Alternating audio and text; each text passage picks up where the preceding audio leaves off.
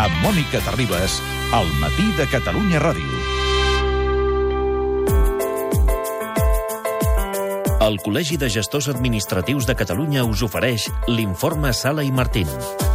I teníem ganes, a fe que teníem ganes de sentir el professor Xavier Sala i Martín i des dels Estats Units, perquè ara sí, ara ja hi ha president electe, el 45è president dels Estats Units d'Amèrica és Donald Trump, no és Hillary Clinton, i la pregunta és, aquest home, a nivell de política econòmica, què és capaç de fer, què pot fer i quins marges té? Professor Xavier Sala i Martín, bon dia. Hola, molt bon dia. Perquè ja tocarà repassar l'economia que deixa Barack Obama, però aquí ara, com que està tothom molt espantat, professor Salai Martín, aquí la clau està en veure a quins marges tindrà aquest home perquè eh, ja ha anunciat que l'acord transpacífic, l'acord comercial transpacífic, ell no el tirarà endavant. Sí, el, però bueno, tampoc estava, no, no estava implementat, per tant, mm. el que diguem, aquí no passarà res, l'acord amb els europeus tampoc tirarà endavant perquè no, diguem, perquè ni el volen els europeus ni mm. ara voldrà ell, i per tant aquí la, amb temes comercials només hi ha dos incògnites que són enormes, que són mm. enormes, i aquí la, la, deixem ja avançar que la clau, la clau de tot eh, en aquests moments és la incertesa, sí. perquè no tenim ni idea. Ara jo opinaré eh, coses sobre nafta, sobre Xina i tal, però la realitat és que no sabem per on tirarà, i no sabem per on tirarà, primera perquè el Trump és un, és un tio caòtic, és un tio que un dia opina cosa, un altre dia opina una altra,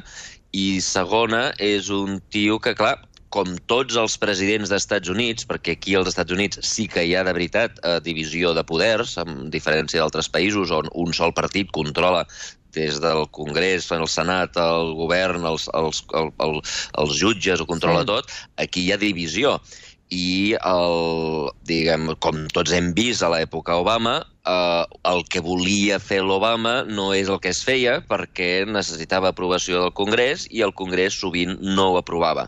Eh? Per exemple, estàvem parlant del cas NAFTA. NAFTA sí. és el tractat de lliure comerç que té els Estats Units amb els seus veïns del nord d'Amèrica. Del nord i del sud, Canadà i Mèxic, no? Exacte, Canadà i Mèxic.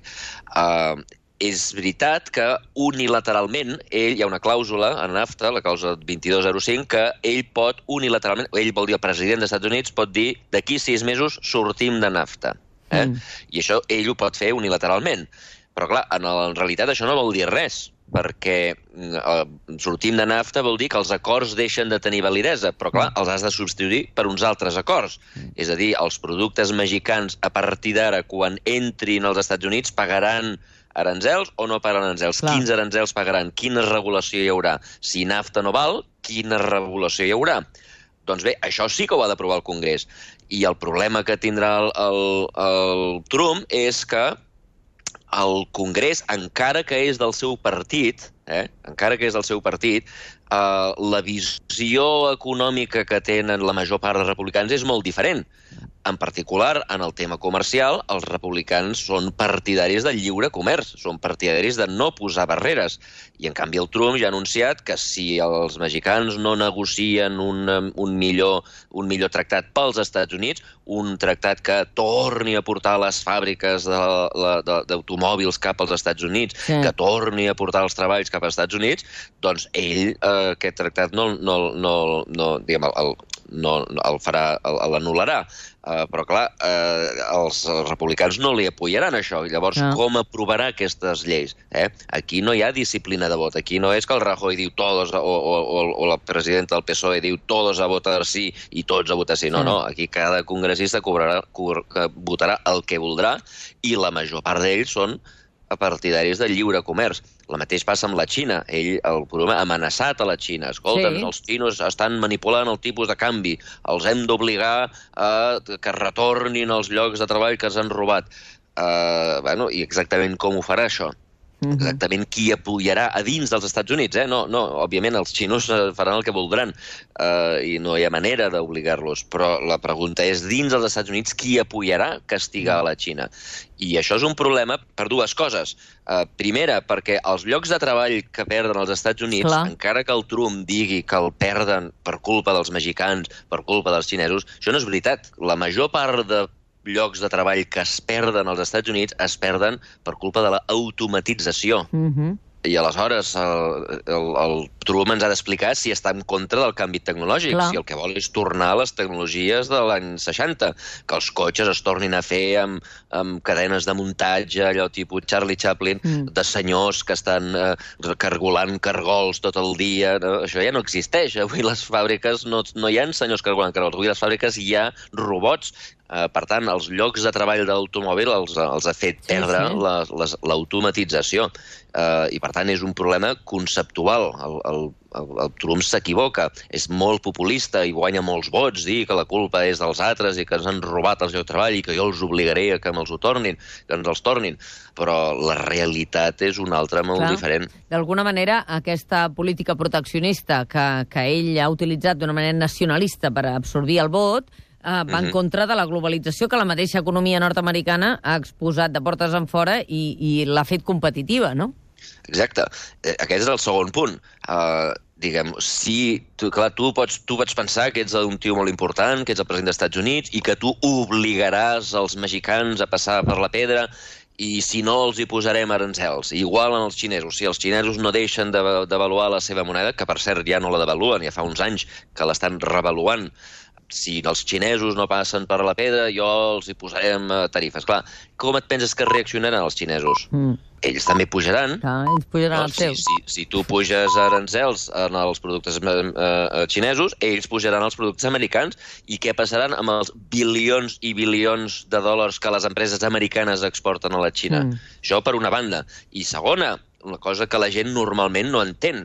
Uh, a veure, posarem aranzels en els productes que venen de l'exterior. Per exemple, en, en Mèxic avui dia no produeix cotxe, cotxes, produeix parts de cotxes. Mhm. Mèxic produeix acer, no? Uh, vale, els hi posarem aranzels sobre això. Ara, ara pagaran un 35% amb l'acer. Però això perjudicarà les empreses que necessiten aquest acer, no? Exactament, Clar. exactament. Aleshores, ell pensa, escolta'm, a les empreses d'acer, com que les empreses d'acer americanes de sobte tindran un 35% d'avantatge en els costos, perquè no hauran de pagar l'aranzel, totes les empreses americanes hauran de comprar acer americà, cosa que amb ell ja va, li va molt bé perquè ell ha guanyat el, els estats on es produeix acer, Pensilvània, etc. no?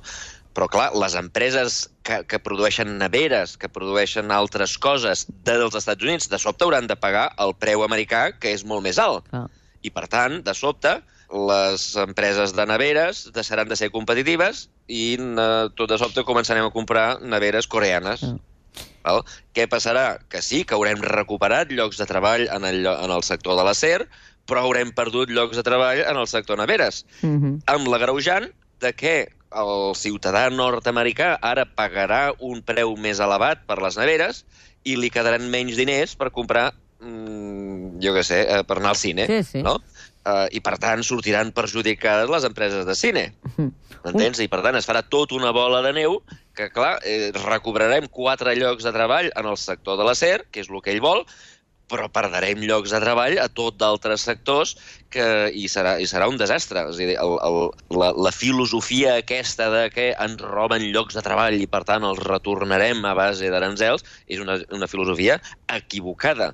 És equivocada quan la diu Podemos eh, a Espanya i és equivocada quan la diu el Trump als Estats Units, perquè en aquest sentit diguem, el, el, el Trump i, i diguem, l'esquerra europea diuen exactament el mateix i estan els, dos exactament de, igual d'equivocats. I, I altres dues qüestions que se'n parla molt. Diuen que ell és antimonopolis perquè va criticar en un moment a la fusió d'ATT amb Warner, però uh, realment això, un personatge amb les característiques de Trump, ho pot sostenir? Realment és antimonopolista? A veure, no ho sabem. Aquest senyor, si, si es caracteritza per una cosa, és pel seu caos intel·lectual Mm. eh, que té dins. Un dia diu una cosa, l'altre dia una altra. És veritat que un dia es va, es va, va mencionar la, la fusió aquesta. Sí. És veritat que als Estats Units i a Espanya i a Europa eh, hi ha un problema greu de de que els, els, eh, les grans empreses tenen un poder massa gran que es tradueix a, número 1, tenir un poder polític, que, una influència en els polítics que és desmesurada, Sí. i això s'ha de canviar, i segona, un poder econòmic de- d'explotar els consumidors a base Sí. de posar preus massa elevats, eh? com que no hi ha competència i no te'n pots anar, en aquest cas, a d'altres eh, empreses de telecomunicacions, clar, si no hi ha competència, això és dolent. Eh, la, per- perquè l'economia funcioni, el consumidor ha de tenir el poder de poder marxar en cas de que no et tractin bé. Mhm. I si no hi ha ningú, perquè tu te, aquesta empresa domina tot el mercat, això és dolent. Uh, jo, diguem, suposo uh, que el Trump està en contra d'això, com estem gairebé tots els economistes. Uh, uh, ara, Uh, també és cert, com tu assenyalaves, que aquest senyor és un senyor de grans negocis, diguem que ha demostrat una cosa i és utilitzar el poder polític a base, diguem, de, per, per aconseguir permisos per transformar edificis uh, històrics en hotels. Clar, no? em sembla que Eh, són les constructores les que van pujar, les farmacèutiques i les empreses de seguretat i presons. Curiosament, les que van pujar a la borsa l'endemà Sí, d'haver sí, guanyat. sí. Ah, sí. Tothom està pendent de que aquest home, uh, mirant tothom a Janet Yellen a la Reserva Federal i dient, a veure, ara què passarà? Perquè uh, Janet Yellen té mandat fins al febrer del 2018, uh, ella té els tipus uh, baixos, i uh, ell ho va criticar en un moment donat, però ell no la pot tocar, no, amb ella? No. No, no, ell no la pot tocar, el president dels Estats Units no tria el president de la Reserva Federal, el president de la Reserva Federal és una entitat independent, de fet, la gent no ho sap, és una entitat privada. És una entitat privada. És privada? Sí, Això, veus, el no Banc sabia. Central dels Estats Units, diguem, el que seria el Banco d'Espanya Sí. a Espanya o el Banc Central Europeu a Europa, eh, aquí s'anomena el Banc de la Reserva Federal, en realitat és una empresa privada, però el seu jefe, eh, Sí. que seria la Janet Yellen, el tria al Congrés dels Estats Units, encara Mm. que sigui una empresa privada. Eh, és una empresa privada estranya perquè tots els seus beneficis els ha de donar al govern. Eh, quan aquesta empresa té beneficis, és l'empresa que fabrica els diners, no? que Sí, fabrica els bitllets sí. i en fabricar els bitllets doncs, ob- obté uns beneficis, aquests beneficis els ha d'entregar al govern, però és de propietat privada.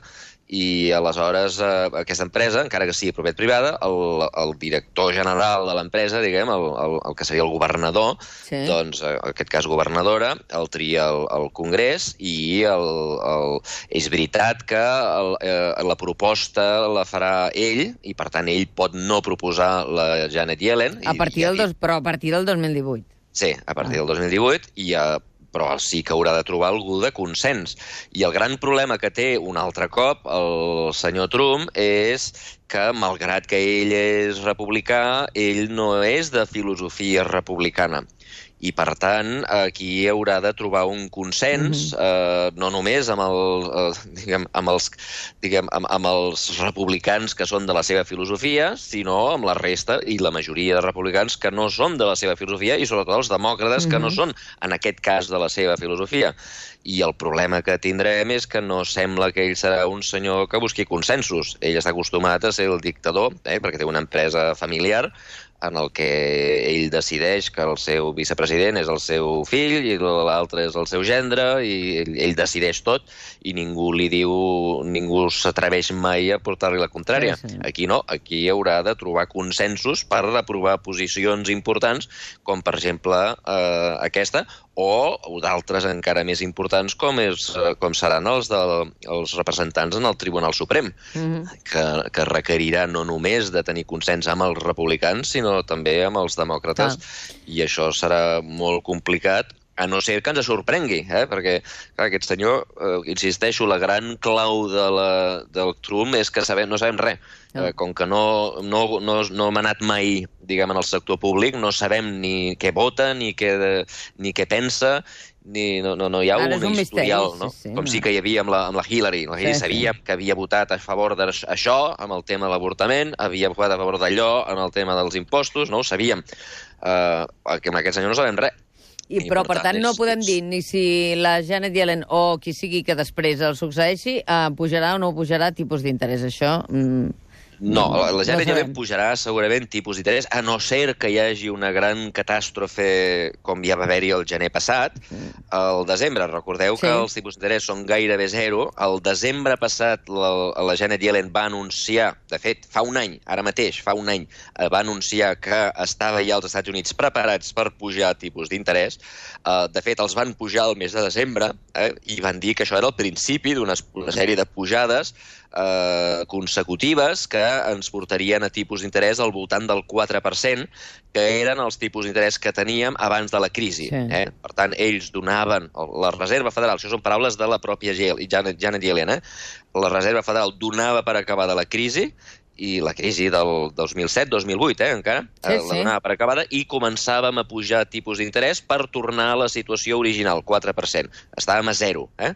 Uh, I això es fa perquè tenen por als Estats Units i tots els països, cada cop que hi ha una crisi, els tipus d'interès els baixen bàsicament 4%, de Clar. 4% a 0, per induir a que la gent demani prestat, compri automòbils, compri cases, ja, ja. augmenti la demanda i, per tant, més o menys, eh, diguem, alleugereixi el cost de la crisi. Mhm. eh? Eh, perquè la gent, induir a la gent a comprar coses a base de demanar prestat a tipus d'interès baixos. I això és una mena de xarxa de seguretat per les crisis. L'argument de la Yellen era, escolta'm, eh, si ve una crisi ara, si ve una crisi ara, i els Estats Units, és veritat que va tenir crisi el 2007, i que després més o menys ha sortit, però com que no ha sortit mai d'una manera forta, forta, forta, hem seguit mantenint els tipus d'interès a zero. Uh, però clar, ja fa, ja fa gairebé 10 anys de la Sí, crisi de sí, 2007. I, per tant, eh, segur que està a punt d'arribar una altra crisi. Si arriba una altra crisi i nosaltres tenim els tipus d'interès zero, no podrem baixar-los 4%. Clar, clar, clar. Podem. Llavors, Per tant, estem d'alguna manera fem eh, equilibris, estem fent salts mortals sense xarxa de seguretat. Per tant, cal pujar els tipus d'interès fins al 4% per quan vingui una altra crisi. I això és el que deia fa un any. Van començar aquest procés al desembre, però recordeu que al gener va haver-hi aquella Sí, sí. crisi brutal a la Xina. I per això es va aturar. les borses Sí, de tot sí. el món, llavors es van acollonir i van parar i no han tornat a pujar els tipus d'interès. Eh? Va quedar parat per la crisi, per el pànic que es va generar arran de la Xina. Però bé, ara ha tornat mm, un any després i tornen a fer servir els mateixos arguments. I, per tant, sembla que el procés que es va posposar un any Ara es doncs, podrà... començarà. Però això independentment del que digui el Trump. Uh Eh? Això és un tema, diguem, de, de, de, de, que ja ho deien fa un any, quan ningú sabia Sí, que guanyaria sí, el això Trump. Ho seguir el deien fa mesos, diguéssim, quan sí. ningú sabia que guanyaria el Trump. Eh? Uh, I, per tant, el procés pujarà. I, per cert, deixa'm que eh, digui que quan pugen els tipus d'interès, la gent que està endeutada pateix. Tu diràs.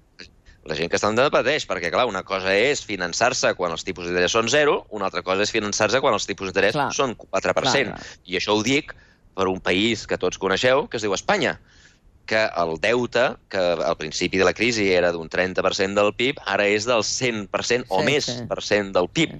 I, per tant, i, per tant, els països que estan endeutats en aquests propers mesos començaran a patir, perquè una part cada vegada més important dels ingressos que paguen els ciutadans, els impostos, hauran de deixar d'anar a programes, eh, diguem, socials o programes econòmics o el que sigui, i hauran d'anar a pagar interessos. Sí, Eh? i aquí la qüestió és si el Banc Central Europeu pujarà o no els tipus d'interès a Europa, eh, justament tenint com té Alemanya amb, els, amb la situació que té, França, que és una bomba Exacte.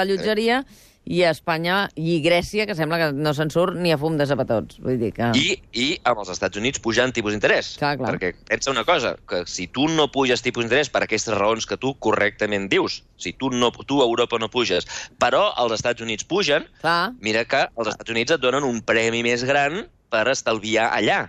Per tant, molts diners d'Europa... Eh? Fugiran Els cap allà. Pensaran, a Europa no paguen res, als Estats Units comencen a pagar 1, 2, 3, 4%, el capital se'n va tot cap als Clar, Estats Units. clar. Això farà que pugi el dòlar, que baixi l'euro, eh, això crearà malestar a dins d'Europa perquè serà difícil trobar diners per finançar projectes, perquè tots els diners estan als Estats Units, i per tant hi haurà pressió eh, al Banc Central Europeu per pujar els seus propis tipus d'interès. I això, això, que diu, això és el que diu la lògica i el que diu la teoria, eh, també és el que diu la història. Mhm. Això ja ha passat. Sí, Això sí. és el que va passar als anys 80, quan el Ronald Reagan va guanyar les eleccions i el primer que va fer va ser pujar els tipus d'interès. i els tipus d'interès als Estats Units van fer que pugessin els tipus d'interès Mhm. de tot el món. I quan els tipus d'interès de tot el món, va haver-hi molts països, sobretot Amèrica Llatina i Àfrica, que no van poder pagar i, per tant, es va generar el que es va anomenar la gran crisi del deute, Sí, sí. Eh, la gran crisi del deute, que, per cert, a Amèrica Llatina, i això ho dic per cuidado pels espanyols, l'Amèrica Llatina, la crisi va durar 25 anys. Per Toquem tant, fusta, compte, compte, aquesta pujada de tipus d'interès l'hem de vigilar perquè els països endeutats aquí patiran. Pateixen. Professor Xavier Sala i Martín, moltíssimes gràcies. Moltes gràcies i que, bon dia. Que vagi molt bé, que tingui un bon dia. Adéu.